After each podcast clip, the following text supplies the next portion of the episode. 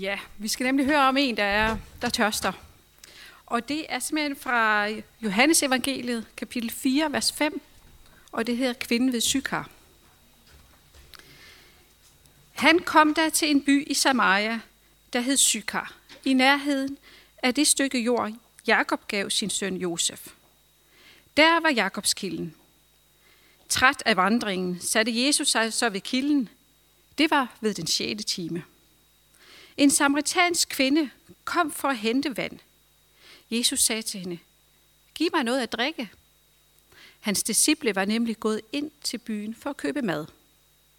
Den samaritanske kvinde sagde til ham, hvordan kan du, en jøde, bede mig, en samaritansk kvinde, om noget at drikke?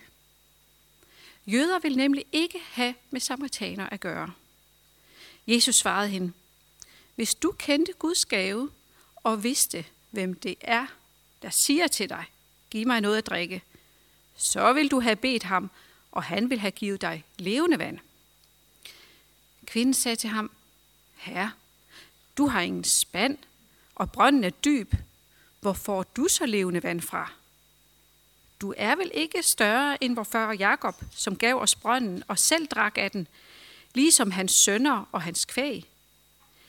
Jesus svarede hende, en hver, som drikker af dette vand, skal tørste igen. Men den, der drikker af det vand, jeg vil give ham, skal aldrig i evighed tørste. Det vand, jeg vil give ham, skal i ham blive en kilde, som vælger med vand til evigt liv. Kvinden sagde til ham, Herre, giv mig det vand. Øhm, nu kommer jeg lige. Herre, giv mig det vand, så jeg ikke skal tørste og gå herud og hente vand. Han sagde til hende, gå hen og kald på din mand og kom herud. Kvinden svarede, jeg har ingen mand. Jesus sagde til hende, du har ret, når du siger, jeg har ingen mand, for du har haft fem mænd, og den du har nu er ikke din mand. Der sagde du noget sandt. Kvinden sagde til ham, Herre, jeg ser, at du er en profet. Hvor fædre har tilbedt Gud på dette bjerg, men I siger, at stedet, hvor man skal tilbede ham, er i Jerusalem. Jesus sagde til hende, tro mig, kvinde, der kommer en time, da det hverken er på dette bjerg eller i Jerusalem, I skal tilbede faderen. I tilbeder det, I ikke kender. Vi tilbeder det, vi kender, for frelsen kommer fra jøderne. Men der kommer en time, ja, den er der nu, da de sande tilbedere skal tilbede faderen i ånd og sandhed for det er sådanne tilbeder, faderen vil have. Gud er ånd, og de, som tilbeder ham, skal tilbede i ånd og sandhed.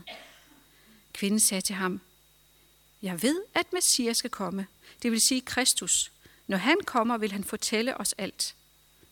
Jesus sagde til hende, Det er mig, den der taler til dig. Amen.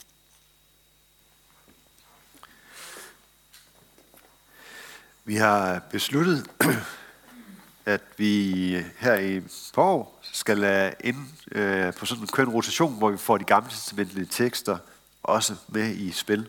Og øh, det her det er egentlig søndag, hvor vi tager den gamle testamentlige tekst, og den er fra Først kongebog. Det der er, er anledning, eller det der er optakten til det her, det er, at øh, kong David, han, øh, han fik lov til rigtig mange ting.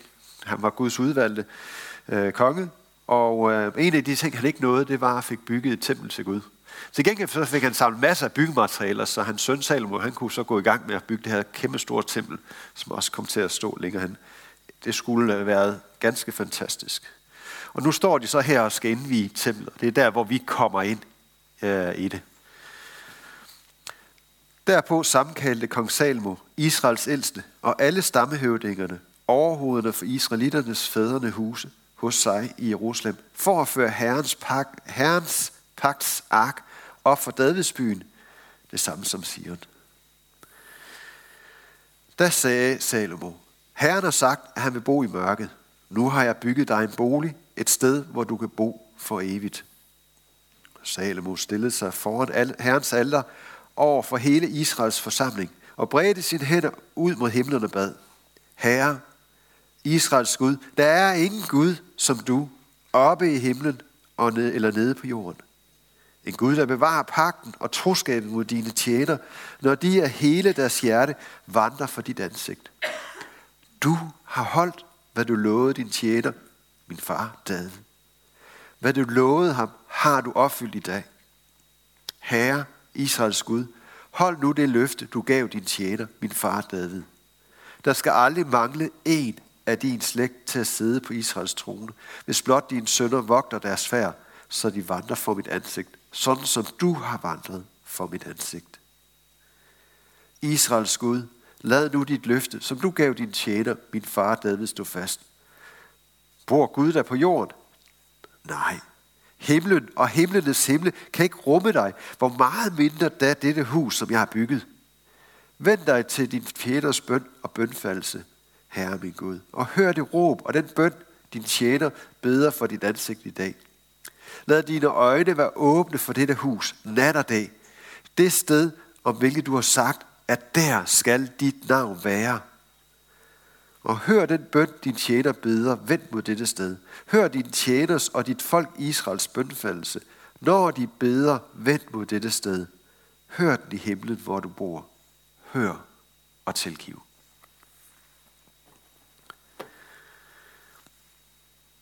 Kære Herre Far, bed om, at du må åbne vores ører, så vi kan høre, hvad du har at sige til os. At du må åbne vores øjne, så vi kan få lov til at se dig i ordet. Og åbne vores hjerter, så du kommer helt derind, hvor det virkelig betyder noget. Amen. De skulle bygge et hus for Gud. Det skulle være det største, det flotteste, det mest imponerende. Det skulle prise Guds storhed, Guds skønhed, Guds magt. Stedet var Rom, og det var Peterskirken, der var i støbeskeen. Men hvordan kunne man få finansieret så storslået et projekt? Jo, man kunne jo sælge Guds tilgivelse i form af afladsbreve hvor folk betalte beløb, og til gengæld så kunne få tilgivet alle synder, nutid, fortid, fremtid, forfædrenes synder. Ja, alt kan klares. Det går jo en god sags tjeneste jo. Man kunne nærmest kalde det en slags taknemmelighed på forhånd, at nu betalt for at blive tilgivet. Jeg ved ikke, hvordan den her idé den blev solgt til de høje herrer i kirken. For det tager noget ganske fundamentalt, nemlig nåden, og vender det helt på hovedet til noget, der nærmest er grotesk. Og en af de følger, der kom af den her afladshandel, var, at der var en teolog i Tyskland, der samlede sig mod til sig, kritiserede dette og andre misbrug i kirken. Og derved kom Martin Luther til at starte reformationen, som forsøgte at sætte fokus igen på Guds nåde i stedet for menneskets præstation.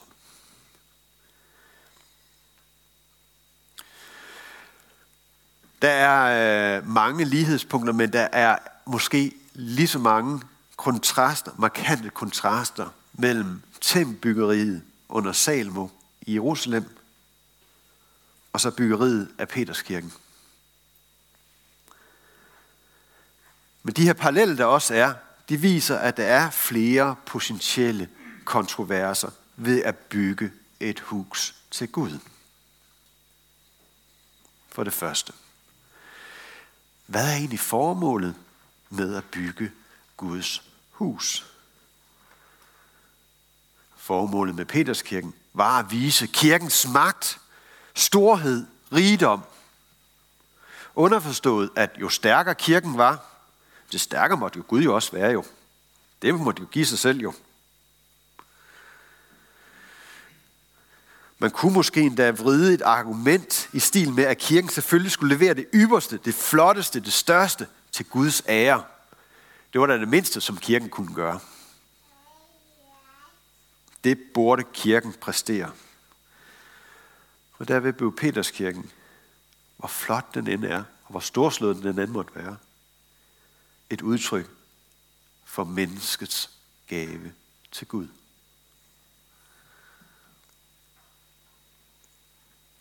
I Salmos bøn, der dukker der sådan en pussy detalje frem. Og det er, at templet, templet er en indfrielse af Guds løfter til David.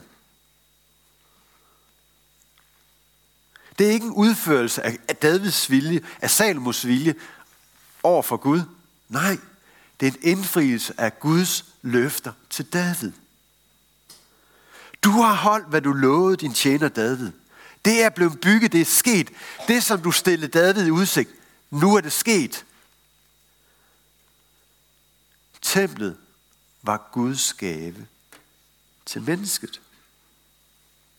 Det kan godt være, at det var David, der samlede byggematerialerne sammen til templet. Det kan godt være, at det var Salomo, der fik beordret, at det skulle bygges. Og det kan godt være, at det var håndværkerne, der helt konkret, konkret fik bygningen op at stå. Men bag alt det her, så var det Gud, der byggede. Så var det Guds løfter til David, at der skulle bygges et tempel. Det var faktisk det, der var det centrale. Templet var Guds gave til mennesket.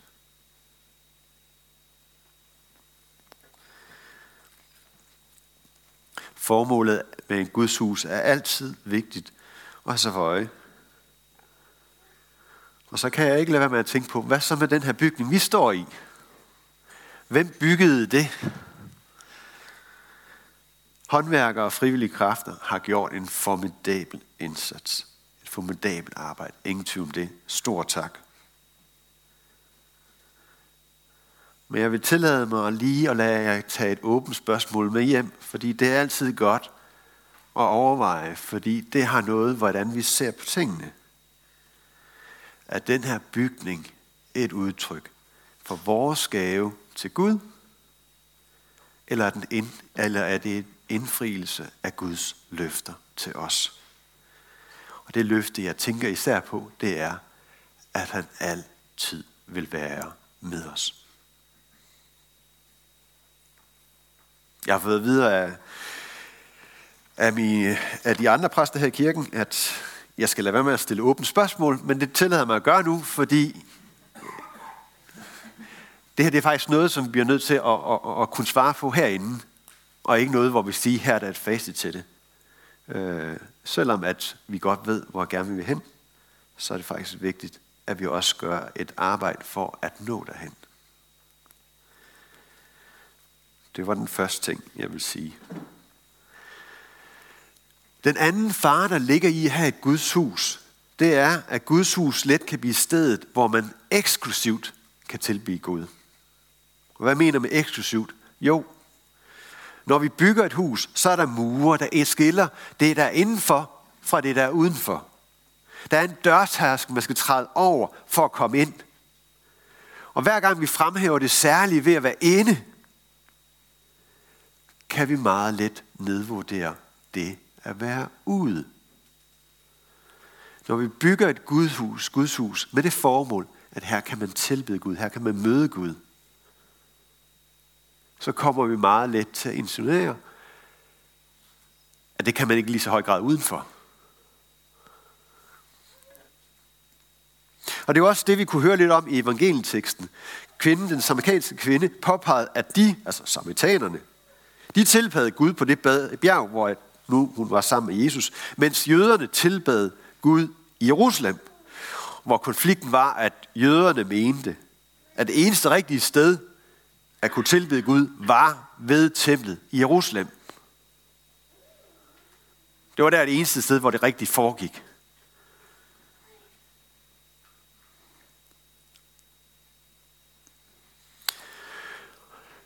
Tilsvarende så må jeg med skam indrømme, at jeg kan godt mærke en skepsis i mit hjerte, når jeg står over for mennesker, der hævder, at de tror på Gud. Og når jeg siger hævder, så er det ikke, fordi jeg vil sætte spørgsmålstegn ved det.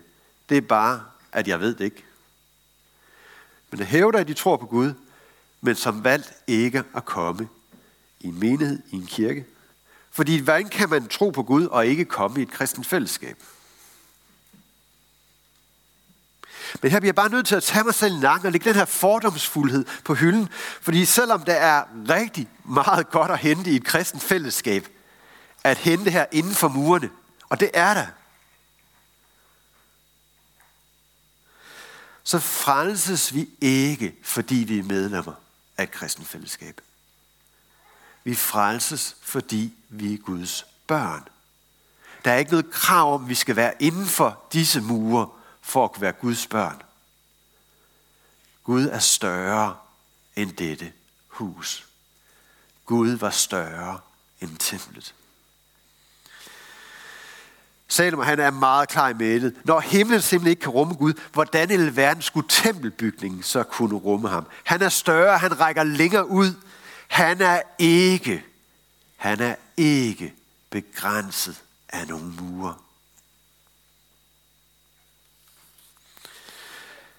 Nej, det særlige ved Guds hus, det særlige ved Guds hus er, at der er knyttet nogle løfter til det.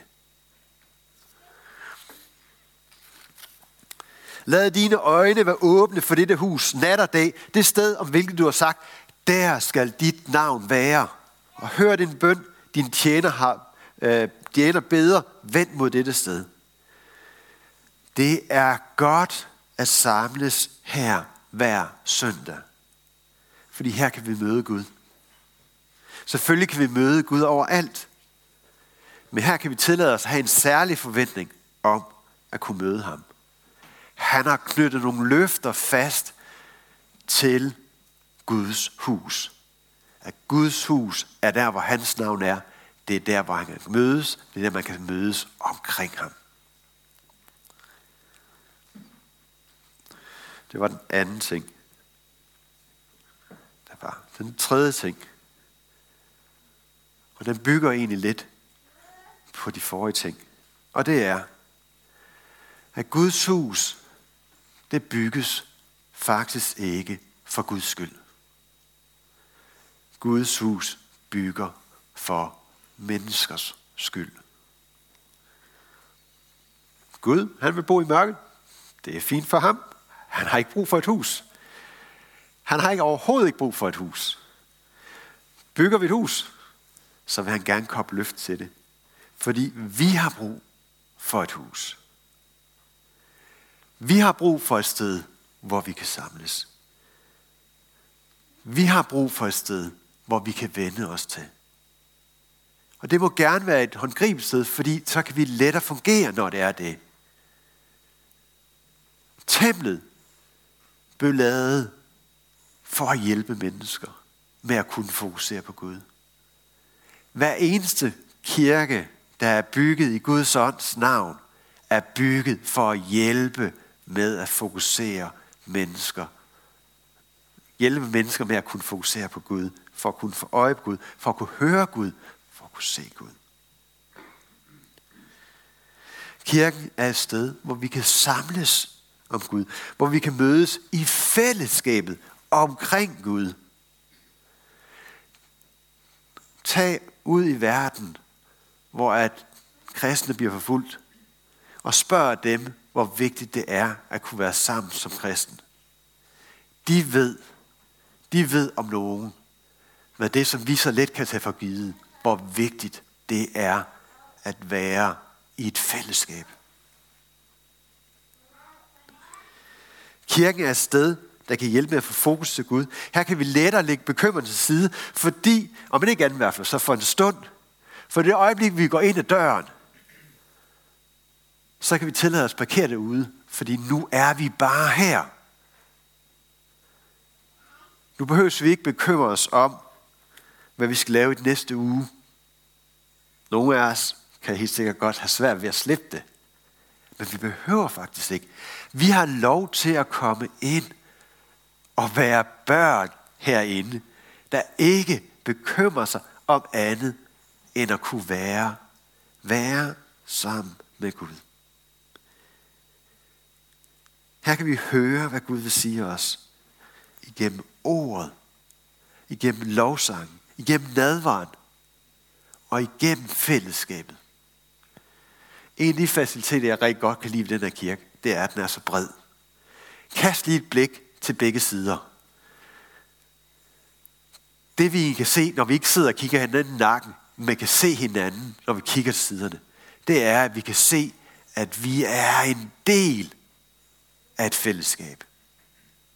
Vi er samlet om Gud her.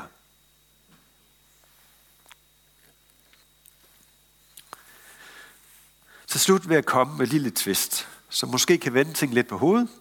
Kald det hjemmearbejde. Nu skal du finde ud af, hvordan skal man så forstå alt det, der er sagt, når den nu får det her lille twist. Fordi nu er det bare sådan, at kirken er ikke en bygning. Kirken er et folk. Murene i Guds temple er ikke formet af træ og sten, bronze og kover. Nej, det er formet af kød og blod. Og alt, hvad jeg har sagt om Guds hus i dag, det gælder stadigvæk. Også selvom vi snakker om kirken, der består af kød og blod. Kirken er ikke et udtryk for menneskers præstationer, men det er en indfrielse af Guds løfter om, at han altid er med os. Vi kan sagtens møde kirken, Gud uden for kirken, men vi har fået et løfte om, at hvor to eller tre er forsamlet, der er han midt i blandt os. Kirken er ikke til for Guds skyld, men kirken er til for vores skyld. Det kristne fællesskab er Guds største gave til os. Kirken er ikke en bygning. Kirken er et folk. Kirken er dig og mig. Den, der sidder ved siden af dig. Det fællesskab, vi er herinde. Et fællesskab af Guds børn. Et fællesskab af tilgivende sønder. Et fællesskab, og sæt selv dine ord på det. Det er her, du hører hjemme i fællesskabet om Gud.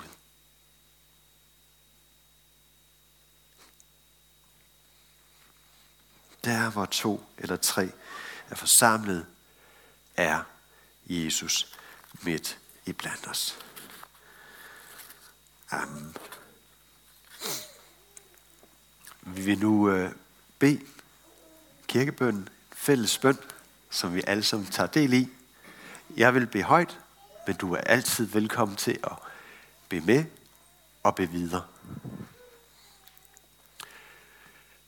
Jesus, vi takker dig for fællesskab omkring gudstjenesten. Tak, fordi vi kan samles her og tilbede dig, og styrk du os i indbyrdes kærlighed.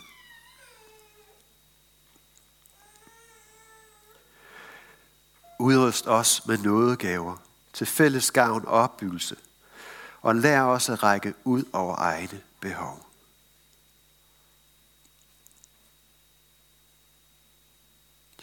Vi beder dig for menighedens børn, både de fødte og de ufødte. Beskyt du dem, og lad dem få lov til at vokse op i troen på dig.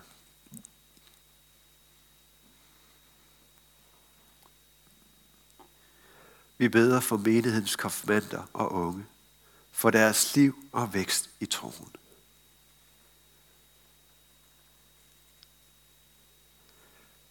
Vi beder dig for ægteskabet og for dem, der lever alene. Giv os din kraft til at leve efter din vilje.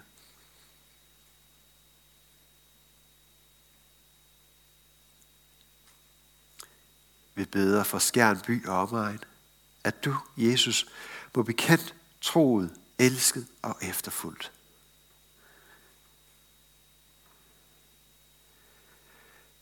Vi beder for Niels Jørgen Fogh, menighedens vejleder, at du må styrke ham i hans arbejde og holde os alle fast på Bibelens grund.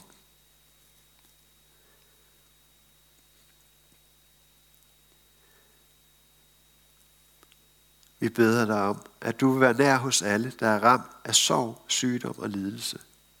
Giv os mod til at være stede og visdom til at lindre smerten hos hinanden.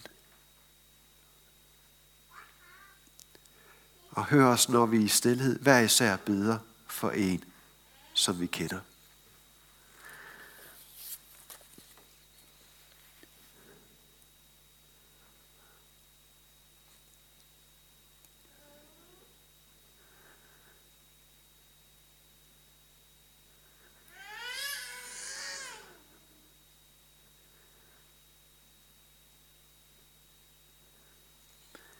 Vi beder også for Jens og Morten og for alle andre, der enten må være ramt af corona, eller som er ramt af, af konsekvenserne og besværet omkring det.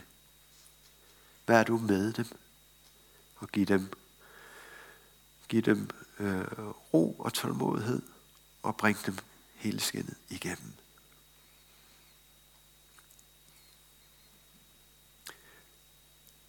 Vi beder dig for din kirke. Lad budskabet om dig, Jesus, spredes over hele jorden og styrk dem, som forfølges for dit navns skyld.